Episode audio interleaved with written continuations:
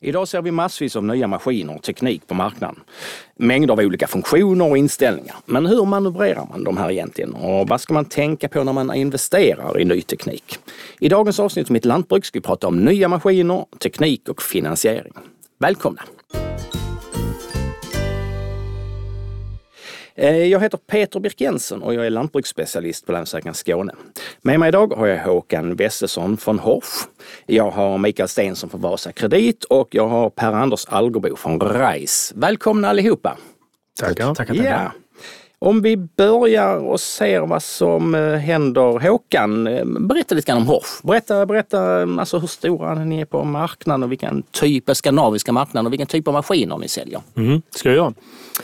Eh, Horsch är ju ett familjeföretag grundat på 80-talet av Mikael Horsch och eh, har nu vuxit upp till att bli en, en global aktör eh, på 2 500 anställda och mellan 500-600 eh, miljoner euro i omsättning.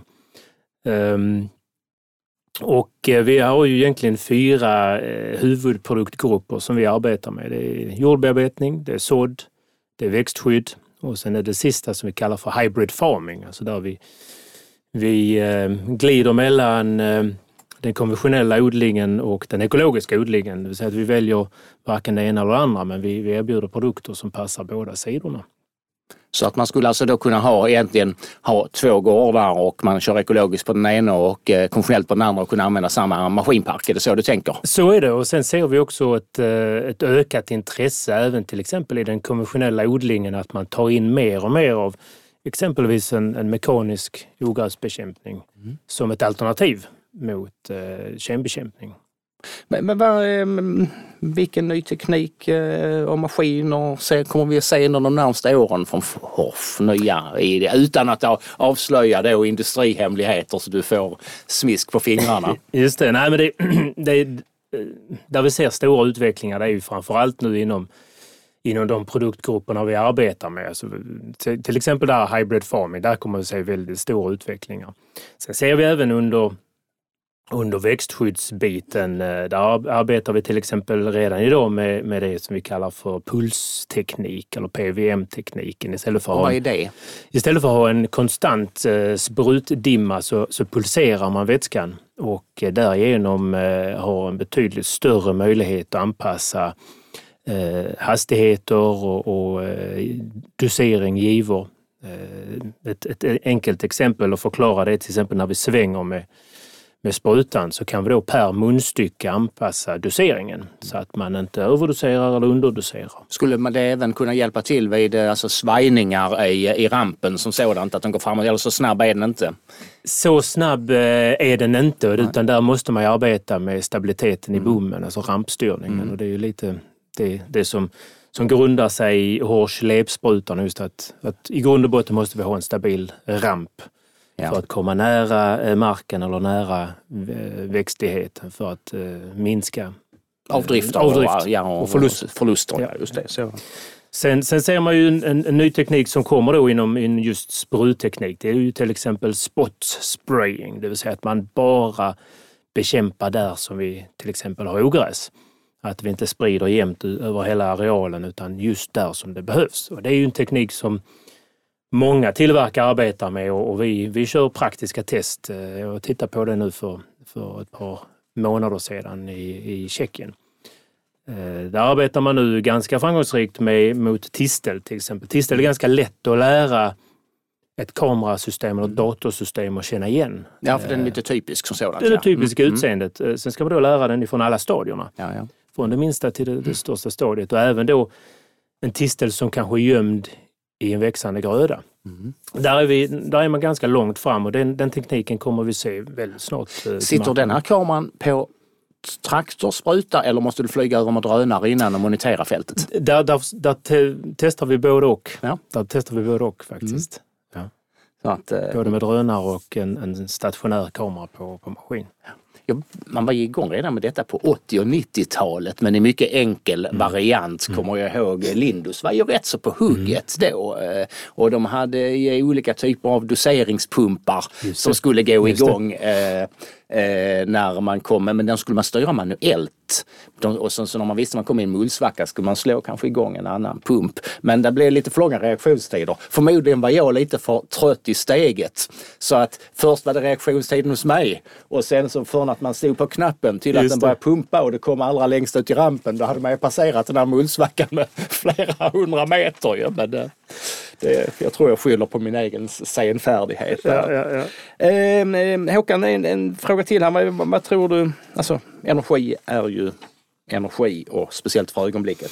Um, har, ni, har du några maskinkedjor och tips som um, gör att vi kan spara antalet överfarter eller, eller um, spara bränsle och mm. kan jag tjäna någonting på det? Är det så pass uh, långt framme så att uh, lantbrukaren verkligen kan tjäna på det?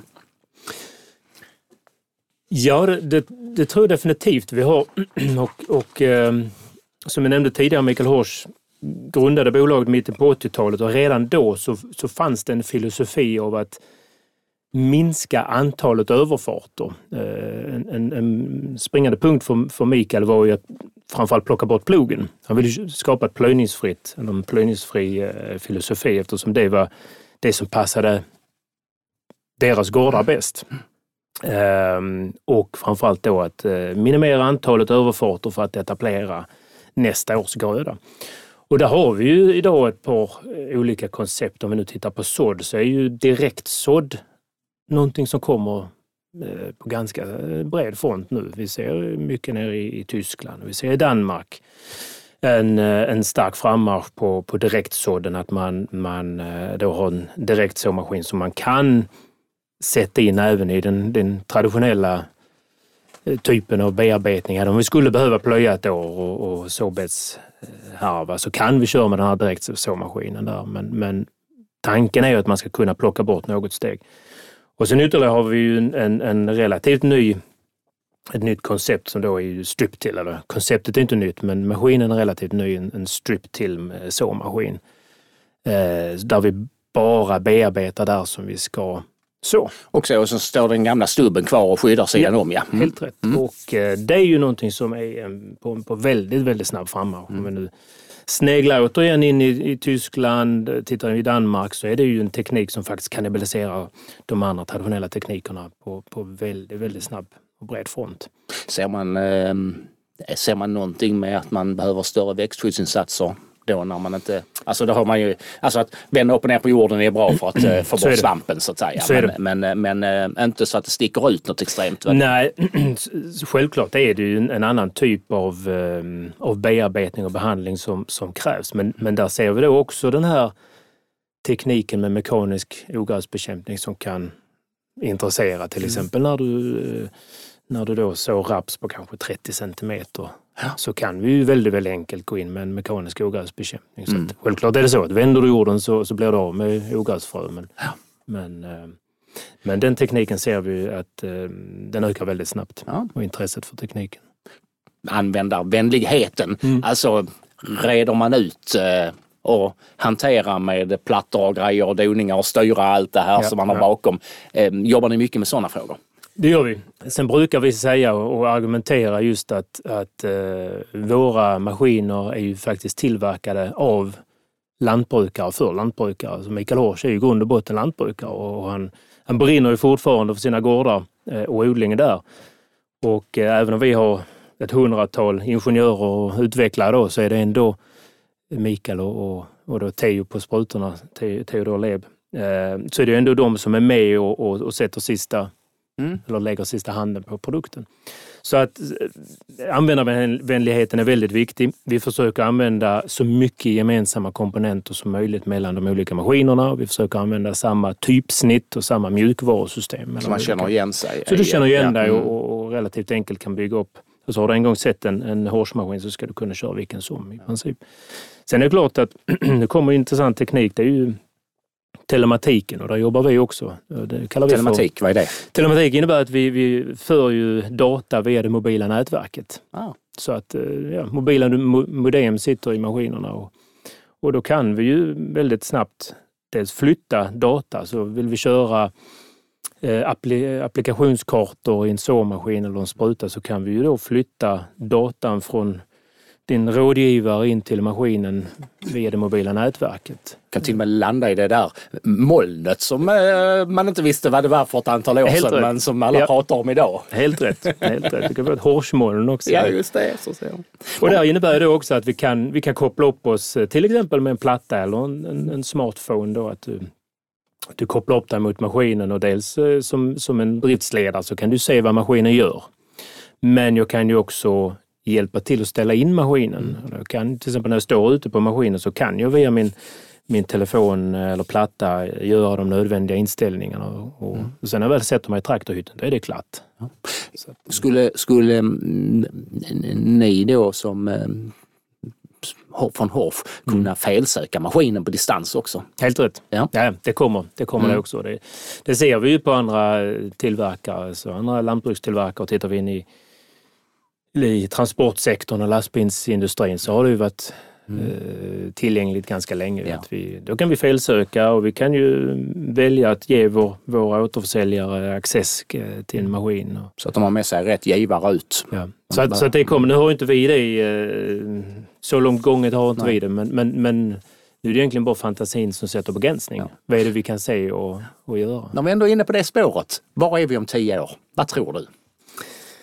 Ja, tittar vi i kristallkulan så, så är vi väl ganska övertygade om att, eh, att eh, vi, måste, vi måste fortsätta effektivisera eh, produkterna och maskinerna för att tillgodose det behovet av, av eh, mat som, finns, eh, som, som behövs till eh, folk på, på jordklotet. Och många gånger så, så säger man, kanske lite skämtsamt, att vi måste plocka bort den, den mänskliga faktorn. Eh, för att eh, ett stort problem vi har idag det är ju att få tag i personal. Alltså kompetent personal som kan hantera den, den mer och mer avancerade tekniken som kommer. Maskinerna blir större och större och mer tekniskt avancerade för att bli effektiva. Och eh, då, då, då, då kommer vi direkt in på robotteknik. Och robotteknik är ju någonting som vi har sagt, ja, men det där är för framtiden. Men, men idag så är det ju faktiskt eh, att det är teknik som vi tittar eh, att det kommer finnas tillgängligt redan imorgon. Mm. Vi arbetar eh, intensivt med två olika typer av robotsystem på Hors. Eh, och eh, vi är inte, vi tror inte mycket, eller vi tror inte idag på det här med klustertekniken, alltså många små robotar, utan tittar vi inom de närmsta 5-10 åren så kommer robottekniken växa framförallt i, i eh, central Östeuropa, kanske borta i, i, i eh, Sydamerika. Och där är det enormt stora arealer och det är också där vi kan klara av att köra robotar baserat på lagstiftningar. För det är, det är tuffa lagstiftningar kring att släppa lös en robot ute på fältet. Och då tror vi på stora robotar, eh, det vill säga maskiner på kanske 400-500 hästkrafter. Eh, Vi pratar alltså inte om de små eh, robotarna som går och plockar ogräs som är Nej. två meter breda. Nej. Nej, Nej. nej, Det utan här är jordbearbetningsredskap och sådd och ja, dylikt. ja. sådd, ja, Mm. precis. Att vi går på det är eh, 12, 15, 18, 20 meters arbetsbredder. Eh, och så har du en person som, som eh, supportar den här maskinen. Du släpper iväg den på fältet och sen kan en person se till att, att hålla den igång och därigenom minska arbetsbelastningen och behovet av personal. Så vi tror vi kommer mot robotteknik. Ja, det är nog uteslutet. Det, det, är, det är hur spännande som helst. Och alltså, om vi övergår lite grann till, vi ska finansiera det här. Mikael Stensson, Vasa Kredit. Eh, ökar intresset att finansiera maskiner? Hur känns det? Ja, det får man väl säga att det har gjort. Jag har, jag har jobbat med detta i nästan 20 år nu och eh, har väl, det har väl varit en tillväxt i princip varje år när vi tittar på finansiering. Ehm, och ser vi nu bara till 2022 så har vi ju sett en extrem eh, kostnadsökning på alla maskiner egentligen. Eh, där en traktor kan ha blivit allt mellan 500 000 och en miljon dyrare. Eh, så absolut växer intresset för finansiering och snart tror jag nästan att det är en förutsättning för att kunna köpa nya maskiner, att man kan finansiera. Ja. Ser du trender? Alltså, köper, köper man eh, mer nytt eller det finns även de som köper mycket begagnat som så? Eh, Det... Alltså, för vi, alltså när man går på Borgby, de grejerna jag ser där, var en, eller en lantbrukare som sa till mig det är det jag kommer köpa om tio år. Eh, menar de på eh, när de såg maskinerna. Ja.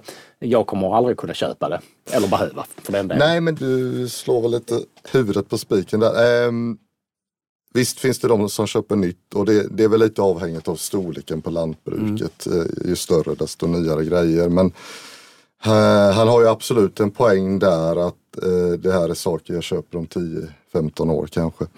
Uh, begagnatmarknaden är jättestor. Mm.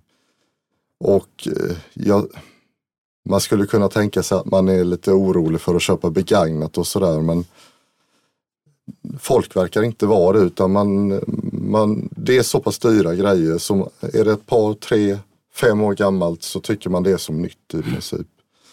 Ehm, så vi, eh, och i, i, takt just detta året med att eh, utbudet av nya maskiner har varit väldigt begränsat ehm, så har ju begagnatmarknaden varit väldigt stor det senaste året i alla fall. Mm. Vad är, vad är bästa rådet för maskininvesteringar? Hur ska man som lantbruksföretagare tänka? Eh, nummer ett är väl det, det tråkiga svaret att eh, investeringen ska tillföra värde i bolaget, i firman. Eh, det ska inte bara vara för skojs skull, jag köper en ny traktor till exempel. Utan eh, det ska bidra till in, intjäningen i bolaget. Mm. Det är väl det tråkiga svaret. Och sen eh, det roliga svaret är att knäcka grannarna eller? Ja men lite så. Ja. Lite så, lite så. Eh, nej men och, och vidare så vad, man, vad de ska tänka på är ju, ja, jag talar ju egen sak men mm. vi som ett finansbolag eh, är ju ett bra komplement till banken eh, i och med att om man finansierar maskinen via oss så tar du inte av ditt låneutrymme på banken utan du sparar mm. det för andra eh, utgifter och kostnader som kan vara Behov, nog så viktiga mm. så att säga. Va? Eh, och i dessa tider som vi lever i nu, att ha en stabil kassa är ju A och O egentligen. Mm. Alltså det kommer oförutsedda kostnader, frågan är bara när och hur de kommer. Mm. Så att ha kassan i ordning tycker vi, eh, även om vi då lånar ut pengar så tycker vi det är väldigt viktigt för mm. var och en så att säga. Och sen återigen som vi var inne på, en avvägning mellan nytt och begagnat. Där. Mm. Um, ska jag reparera hur mycket kan jag tänka mig att reparera eller ska jag gå på lite nyare grejer? Som min halländska kompis brukar säga, renovera eller amortera. Lite så. Ja, lite så. Eh, så, så. Alltså, ja. Har kunderna börjat ställa nya, nya krav gällande finansiering? Alltså är det mycket leasingavtal och sådana saker? Eller eh, ser du någon trend där? Eh, kunderna ställer väl alltid krav, om jag säger så. eh, nej men skämt åsido. Eh, idag, återigen som det ser ut här och nu, eh, räntan är en jättestor diskussion idag. Eh, vi har levt i tio år utan att ränta, brukar jag säga, mer eller mindre. Eh, nu har det verkligen börjat röra på sig. Eh, så det är väl den stora diskussionen idag mm. när, när man kommer till oss. Vad, vad kan jag få för ränta och, och, så vidare. Och det tycker vi är bra också, att man är om sig och kring sig och ser vad, hur lågt man kan komma mm. så att säga. Um, och sen du nämner leasing där. Um, vi har länge trott att det kanske skulle komma en ökning av leasing kontra avbetalning då men än så länge tycker jag det är ungefär samma förhållande. Man, jag brukar säga att leasing står för 20% och avbetalning för 80 Mm. Eh, någonstans i den någonstans här. Där, ja. ja. Mm.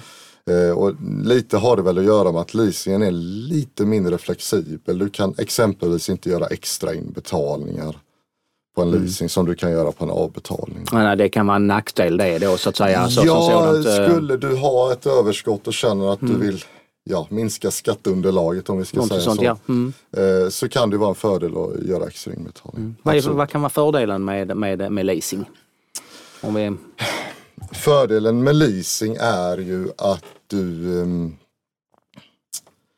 Uh... För är det den typen av leasing man lämnar tillbaka maskinen efter tre eller fem år så att säga? Är det, är det så upplägget är? Eller? Nej, det är vad vi kallar finansiell leasing än så länge idag. Ja. Mm. Och det är att du själv ansvarar för det så kallade restvärdet mm. i slutet.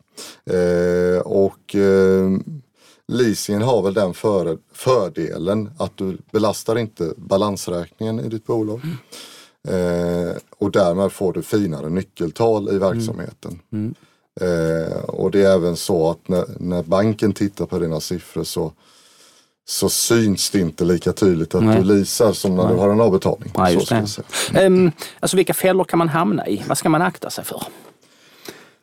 Ehm, nej men om vi återigen går till leasing där kanske då så leasingen är du rätt bunden i. Det, det avtalet är tänkt att löpa på tre år eller fem Mm. år. Eh, skulle du då få för dig att du vill bryta det här i förtid Mm.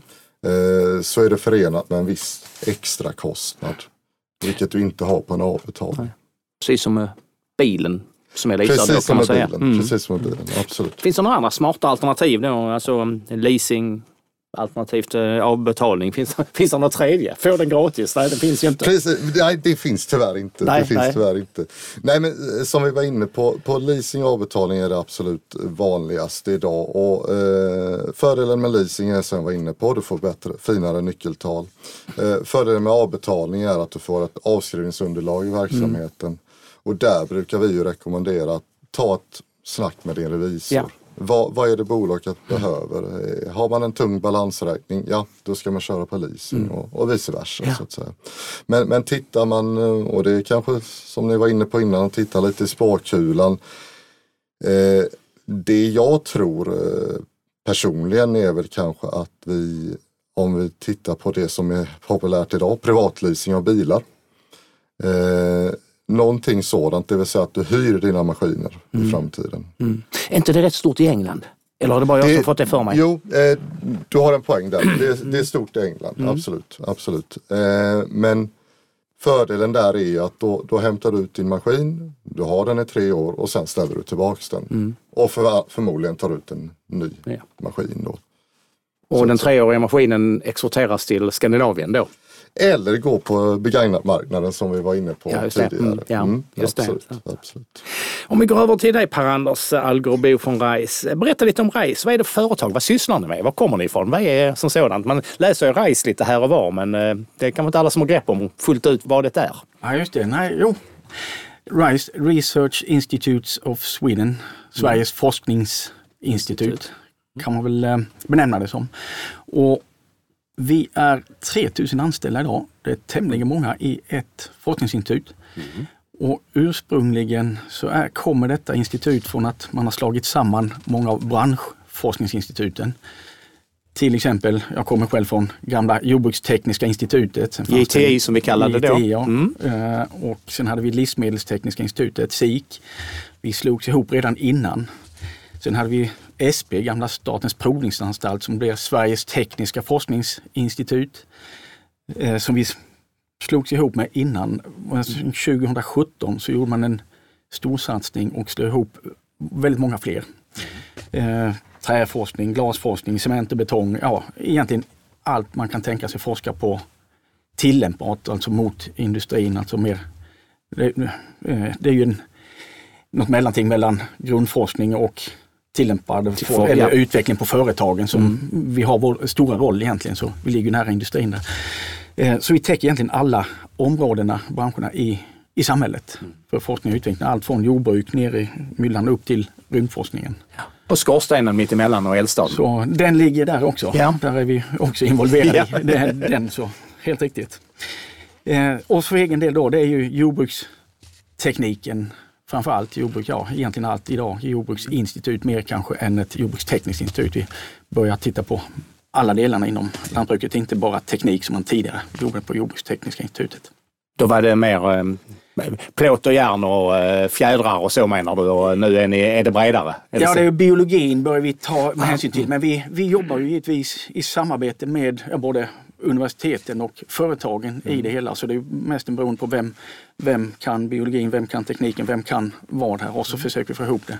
Så Och, och ni, eh, just på, det är ni som är då på det lantbruksdelen, över hela Sverige, från, eh, från eh, Norrland till Skåne? Vi är det faktiskt idag i stort sett. Vi ja. jobbar med projekt från ja, södra delarna upp till Kiruna mm. där vi har, man tittar lite vad man kan göra i inomhusodlingar och lite annat också i samband med gruvor och liknande vad man kan få fram där.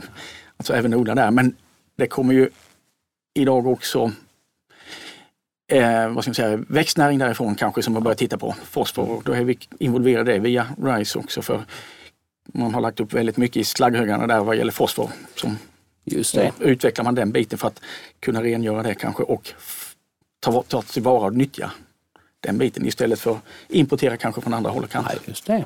Så det, det, är en väldig bredd. Från söder till ja. Eh, då får ju jag då som, eh, som har ansett att världen slutar vid Hallandsåsen eh, vidga mina vyer då plötsligt. Ju. Det är ju jättebra ju. Så. Alltså, om vi går tillbaka till lantbruket. Eh, vilka lantbruksprojekt arbetar ni med just nu? Eller du kanske då? Eller eh, ja, Skåne? Ja just det. Eh, det är ja, en stor bredd egentligen. Själv har jag varit väldigt bred så jag har jobbat allt från eh, torksidan, biogassidan eh, som jag fortfarande är inne och fuskar med.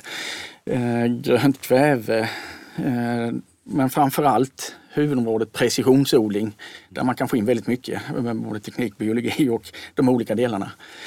Eh, anpassa insatser, kunna mäta, styra, reglera utifrån behovet inom fält och få ut inte bara hög avkastning eller jämn avkastning utan även kvaliteten kanske. Så det ligger projekt inom hela den bredden som man är involverad i. Eh, lite kul att höra roboten här. Vi, och det är väl lite så som vi fungerar som institut. Det kommer någon med en idé eller en, mm. ja, ett intresse och en idé om att göra någonting och då var det Ekobot som projektet heter idag. Mm. Eh, en person som ja, lyfte upp idén. Han ville göra någonting med robot. Han ville försöka ta ner kemianvändningen, kanske inte använda det alls. Eh, och han jobbade med autonoma fordon har sett att det kunde bli någonting. Och vi är väl den part som kan hjälpa till och eh, bära fram idén och få fram finansiering och hjälpa till med utveckla delar också i det här projektet. Mm. Så det, det, är en del den här ekobot och det är just att med robotteknik eh, och robotteknik för mig kanske inte bara ha fordon gå, gående där ute utan det är för att hitta till exempel ogräs nu, identifiera det mm. och kunna reglera också ogräset mekaniskt eller kombination mekaniskt-kemiskt eller mm. bara kemiskt. Det, det, kan man ta utifrån bästa möjliga lösning. Så ja. det är ju ett exempel vi driver på här nere till exempel. Ja. Något annat, annat roligt? Eh, ehm, tunga maskiner drar iväg. Vi tittar på markpackning till exempel. Ja. Just mäta, reglera, styra. Mm. Eh, nytt mätsystem för att mäta tryck och deformation i marken. Det har varit svårt att mäta. Det otympligt system, kostsamt system, mm. arbetskrävande system. tar vi fram ett enklare system som snabbt ska kunna gå och köra i marken och mäta på många platser mm. för att skapa bättre kunskap om hur det fungerar med markpackning vid överfarterna att maskinerna tenderar att bli större. Mm. Som kan vara ett problem. Eh, inte nödvändigt måste men stora risker finns ju givetvis om man kör det fel. Det... Och där kommer ju då de fasta körspåren också in till exempel. Ett exempel skulle ja. kunna vara fasta körspår. Mm. Det kan vi också se har gått upp försvunnit lite igen. finns några som kör men... Ja, det har försvunnit neråt igen? Eller inte försvunnit, ja avtaget. Mm. Vi ser att eh, det, är inte, det är inga projekt rullande specifikt på den just nu utan det avklingade lite när man möjligen att man såg att den positiva effekten av att inte packa jorden, det gav inte de höjningarna i skörd. Men vi har inte odlingssystemen klara heller hur vi ska packa och så vidare eller återpacka. För Man måste återpacka mellan, ja. mellan hjulen också eller, eller sidan om också. Ja. Det, ja, det är inte Lukas som vinner som eh, eh, Johan Arvidsson en gång i tiden uttryckte det utan det är ju rätt återpackning, rätt packning i jorden som ska till. Mm. Eh, sen vad som är rätt, det är det vi försöker hitta tillsammans i projekt här nu med SLU framförallt som driver det också. Om vi pratar energiförbrukning, eh, alltså, hur ska vi få, ser du som kommer från RISE, hur ska vi få ner energiförbrukningen och klimatavtrycket i lantbruket? Ser du någonting mm. i eh, den berömda kikaren vi... eller eh, kristallkulan eller något sånt? Ja just det, jo, vi tittar på det. Sen kan det diskuteras energiförbrukning för mig det är två saker. Dels är det den direkta idag dieselförbrukningen, mm. energiförbrukningen driva fordon, som egentligen är mindre än den stora energiförbrukningen som är gödselsidan. Ja. Eh, det är insatsvaran, eh, kvävet framförallt, som är den stora delen. Och det är ju mer energi in i jordbruket det hållet för att utveckla grödan än vi använder i fordonsdriften och torkningen tillsammans. Det var smatsningen, ja det, hade, det såg jag ju på ett helt annat sätt. Men nu fick man ju lära sig något nytt idag, idag igen ju. Det är bra det. Ja. Så, ja, sen är frågan vad man kan göra åt det, om man ja. kan göra någonting åt det. Men eh, energiförbrukning, ja, spara givetvis. Vi har varit involverade i att utveckla sparsam körning för lantbruket mm. och det rullar på. Eh, så det har jag varit med och utvecklat själv eh, och anpassat hur man kan köra. Det som Hushållningssällskapet eh, kör kurser och utbildningar i till exempel nu också. Ja, och det gjorde jag ju nog redan på den tiden jag ja. som HIV-rådgivare. Ja, just det. och det hänger kvar, då kan vi utveckla metoder, mätsystem och liknande mm. också för att komplettera och se vilka energiförbrukningar man har ute i fält. Eh, så det är en sak, spara genom att köra på ett optimalt sätt eller bästa möjliga sätt som förare. Sen är det ju, vi hörde här lite, anpassa odlingssystemet, maskiner, bearbetningssystemen eh, i växtföljden när ja, plöja är bra. Eh, behöver vi plöja alltid eller aldrig? Det kan ju diskuteras. Det har ju varit en trend att gå mot mindre plöjda system alltså hela tiden utan eh, kanske reducera bearbetning, grund bearbetning. Direktsådd, direktsådden har kommit och gått av olika anledningar. Eh, och olika tekniker. Och olika tekniker mm. som och teknikerna förbättras och ger det möjligt kanske. Vi har haft för dålig teknik från början, det har inte blivit bra i etableringen. Mm. Idag är maskinerna bättre. Mm. Eh, de kan etablera i svåra förhållanden eh, som faktiskt råder där ute. Sen kan det diskuteras här igen eftersom man hör nu lite att ja, eh, klimatavtrycket kanske är högre om vi inte brukar ner och plöjer ner växtrester. Och då får vi bakslag den mm. sidan istället. Det kanske är bättre att bruka ner det, mylla ner det ordentligt från nedmylning än att det ligger i ytan och det går vissa klimatgaser där i större grad. Det lyfts fram ganska nyligen här från Grepparnäringen och ja, SLU som har tittat mm. mycket på det. För svenska förhållanden. Mm. Gäller för våra fuktiga kanske klimatförhållanden av våra jordar. Ja, Gäller inte torra förhållanden. Så det får ju anpassas. Men... Just det, självklart så tar ju stubben och allt annat också avger någonting. Precis som när vi bryter torv. Mm. Så, och hur det ligger till den biten, ja det, det, är någonting man kommer titta hårdare på här nu framöver forskningsmässigt. Så det blir väl intressant att se. Men en kombination av bearbetningssystemen och anpassa utifrån de jordarter man har. Mm. Eh, och de, det, det, man faktiskt kan odla med klimatzonen man ligger i. Så avgör det också odlingssystemen och givetvis vi har lite storlek vad man kan investera och liknande. Nya maskiner kräver investeringar, man får ändra, tänka och sen uppköparna som kräver lantbrukets produkter, hur, eh, vilket klimatavtryck ger de? Och det kommer säkert bli större och större det och då ska vi kunna klara av det ner på gårdsnivå och visa vad, vad eh, är vårt klimatavtryck? Ja, det kan ju faktiskt skilja även inom Skåne gissar jag mig till beroende på vilken typ av jord vi har och vad vi odlar.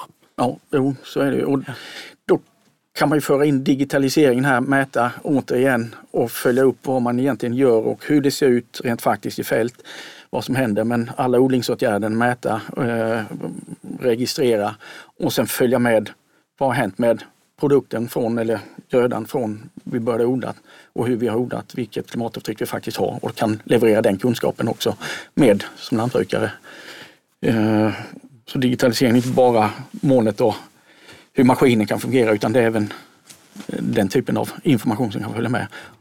Och Det är också en viktig del vi jobbar med faktiskt, det är digitaliseringen här på mm. olika sätt och kunna använda den rätt. Ja. Eh, du som i forskningslivet, var, var tror du vi är om tio år? Ja, det är Svår fråga. Alltid, ja, det, är år träffas det är lite kul. vi se på svaret. Ja, just det. Det, det är alltid lite kul. Det, det är som om man varit med i forskningssammanhang och tittat lite på utveckling. Jag började på GTI en gång i tiden, redan 90-talet, mitten 90-talet. Och då ser man att det man gjorde för 20 år sedan, det börjar bli praktiskt användbart. Det man börjar titta på idéer för 15-20 år sedan börjar bli praktiskt användbart kanske. Det precisionsodling satte igång för säg 20 år sedan, lite mer nu. Det har börjat bli framförallt kvävestyrningen. Praktiskt användbart för lantbrukarna. Man har sina problem med eh, bara koppla ihop maskiner och få dem prata med varandra fortfarande. Men kvävesidan är det, men fosfor kanske inte är där och mm. kvaliteten är inte där. Men vi tittade på kvalitetsmätning, styrning för kvalitet på spannmålen också för 15 år sedan kanske det börjar komma ut nu. De säljer mm. sensorerna för åndanmätning på tröskeln redan där. Det gjorde vi för 15 år sedan, 20 år sedan. De är där idag, börjat sälja dem för några år sedan nu. Eh, så tittar vi 10 år tillbaka, vad hände där då? Ja, elektrifieringen började komma lite där. Man fem, tio år sedan någonstans. Man började titta på det på institutet här. För lantbrukssidan, hur kan det se ut? Det har eskalerat det lite efterhand och någonstans ska vi ju ersätta, troligen i alla fall fossilt åtminstone, men den bränsletyp vi använder och elen i någon form, ja. Så där kanske vi kan ha någonting, jag säger inte det stor, de största maskinerna på marknaden kanske, men 3-4 hästkrafter, 100 hästkrafter, det kräver rätt mycket energi som ska mm. enkelt i system. Någon måste ju producera elen också. Och där ligger inte Sverige riktigt bra till. Inte just för ögonblicket, nej. Inte just för nej, ögonblicket, nej. nej. Och det är många andra länder som ligger efter nej. där också. Så där kan man ju tänka sig. Mm. Vi har växtskyddet, tekniken kommit in. Vi ska också minska där om vi ser 10 år framöver, 2030 ungefär.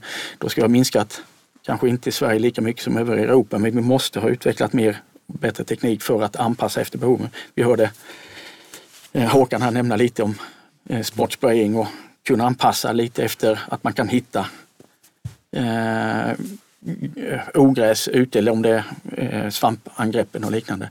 Och det är på gång, det är lite den vi jobbar med nu och har jobbat med ett tag. Så det borde finnas system som har rullats ut. Mm. Robotiseringen, ja, frågan är vad roboten är. Vem är roboten? Är det redskapet som man bara kopplar på på en traktor som vi redan idag egentligen kan släppa ut med GPS och den kan gå, det finns vändautomatik och allting. Men regelverken säger stopp. Men den biten har nu kommit var bit också på väg. Mm. Smått, ja, där det passar. Stort, absolut.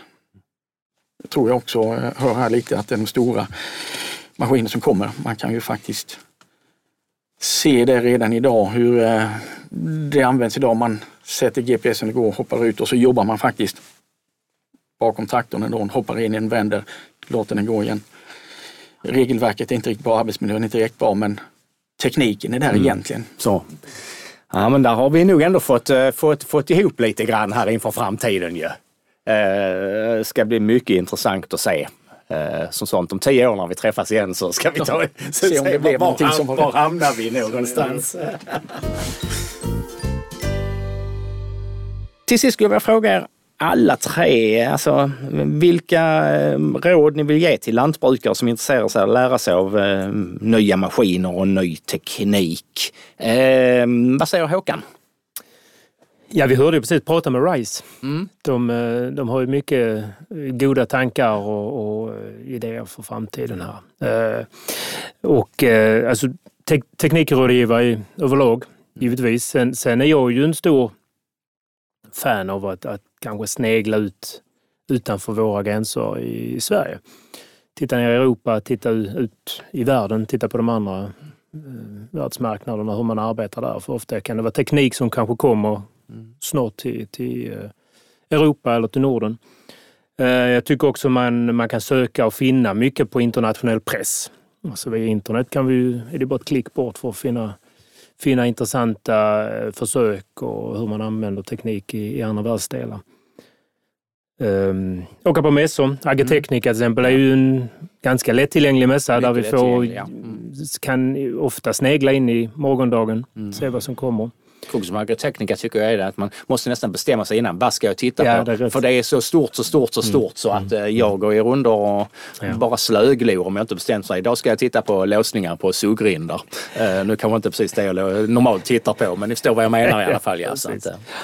Nej, och sen avslutningsvis, eh, jag måste just slå ett slag och få komma, och, och att komma ner till, till oss. Mm. Vi, vi har alltid dörrarna öppna om, om det är så att man bara med familjen är nere i Tyskland eller man bestämmer sig för en liten, liten mindre grupp lantbrukare, åka ner och, och ta en, en, en, en eh, kortare semester i Tyskland. Kom gärna förbi Horsch och, och prata med oss och prata med, med Mikael Horsch. Han ställer gärna upp och, och pratar med, med individuella lantbrukare om teknik och, och uh, filosofi och framtiden. Var ligger Horsch i Tyskland? Horsch ligger nere i Bayern. I Bayern, södra ja. Tyskland? Ja, Jajamän, mm. inte så långt från München. Så där har vi huvudkontor plus tre fabriker. Ja. Vad säger Mikael Stensson? Eh, ja, eh, ny teknik, det, det, är inte, kanske inte, du är mer inne på finansiering? Ja, det är mer finansiering, en ganska konventionell och, och gammal sak som det kanske inte utvecklas så mycket. Nej. Eh, men trots det så behövs ju finansiering i, mm. i dagens samhälle, så, så är det. Och, och nej, det, det, viktiga där eh, som jag tycker man kan ta med sig det är väl att när man tittar på nya investeringar, man, man räknar, räknar med en högre ränta än vad vi ser idag. Mm. För eh, den kommer gå upp ytterligare. Ja. Så är det. Och, eh, Och kanske aldrig kommer ner på den låga nivå vi har varit vana vid under eh, de sista 20 åren. Jag tror i alla fall att det kommer ta betydligt längre tid Mm. än, eh, än vad de förstår sig på säger. Så skulle jag säga. Mm. Ja. Och, och tänk på att eh, din investering ska till, tillföra någonting till verksamheten. Gör en enkel budget så du ser att det går ihop. Vad säger Per-Anders Algebo? Jo, vi hörde lite här innan vad man Man skulle kunde gå till hämta. dig. Ja, just det. Till eh, eh, hämta tekniken. Han nämnde ju RISE också. Ja. det var ju tacksamt, trevligt. Nej, jag, jag kan väl bara fylla i lite utöver det Håkan sa där. Borgby fältdagar är ju ett bra tillfälle att titta på teknik givetvis. Vi behöver inte gå över sjön. Men Arkitekterna är bra. Serial Sprays and Sprayers. Om man vill ut på de här mässorna, demonstrationerna. Serials i England. Där. Eh, också väldigt trevlig och informativ mässa där på tekniksidan. Eh, sen är det lantbrukspress givetvis. Eh, nämnde också internationell lantbrukspress. Alltså det tycker jag man kan ta del av ny teknik. De gör väldigt bra. Som vi kanske är lite sämre på att testa ny teknik och liknande. Det gör man kanske bättre i Tyskland och andra länder än vad vi gör i Sverige sedan rätt lång tid tillbaka. Givetvis lite ett större lantbruksland. Ja, jo så är det ju. Så är det. Och vi, vi har ju Mm. haft bekymmer med den finansieringen givetvis. Mm. Eh, så det, det, det kan väl vara någonting där. Att eh, titta på dem. Ja. Som gammal eh, maskinrådgivare, eller jag både gammal nu och före detta kanske maskinrådgivare, så då försökte man faktiskt också nyttja maskintillverkarna, maskinföretagen, för de sitter på jättemycket kunskap hur maskinerna fungerar. Eh, och försöka få med dem som de lyfter tekniken som sådan. Kanske inte bara produktsäljande utan de är jätteduktiga på att lyfta hur tekniken fungerar för de kan ju sin teknik. Så de är väldigt bra hjälpmedel och då kan det vara tacksamt med maskinteknikrådgivarna som fångar upp dem via, eh, om man inte vill gå direkt till maskinföretagen och få med dem som kan stå bakom tekniken och förklara tekniken. För de, de, de kan det, de är jätteduktiga på det. Så de ska vi absolut inte glömma. Utan, jag hörde också, kom ner till Harstad, men eh, jag vill nog lyfta ett slag för det är någon som verkligen kan sin teknik. Ju, det de håller på med. Detta var allt för denna gången. Jag tackar Håkan Westesson från Horf, Mikael Stensson från Vasa Kredit, Per-Anders Algerbo för att ni vill medverka i det här avsnittet om nya maskiner och teknik. Och tack till dig som har lyssnat. Om du vill lyssna på tidigare avsnitt så kan ni gå in på www.lansförsäkringar.se skane mitt lantbruk eller lyssna bara där poddar finns. Då söker ni på Mitt Lantbruk. På återhörande och tack så mycket allihopa. Tackar Tack. Tack, tack att komma.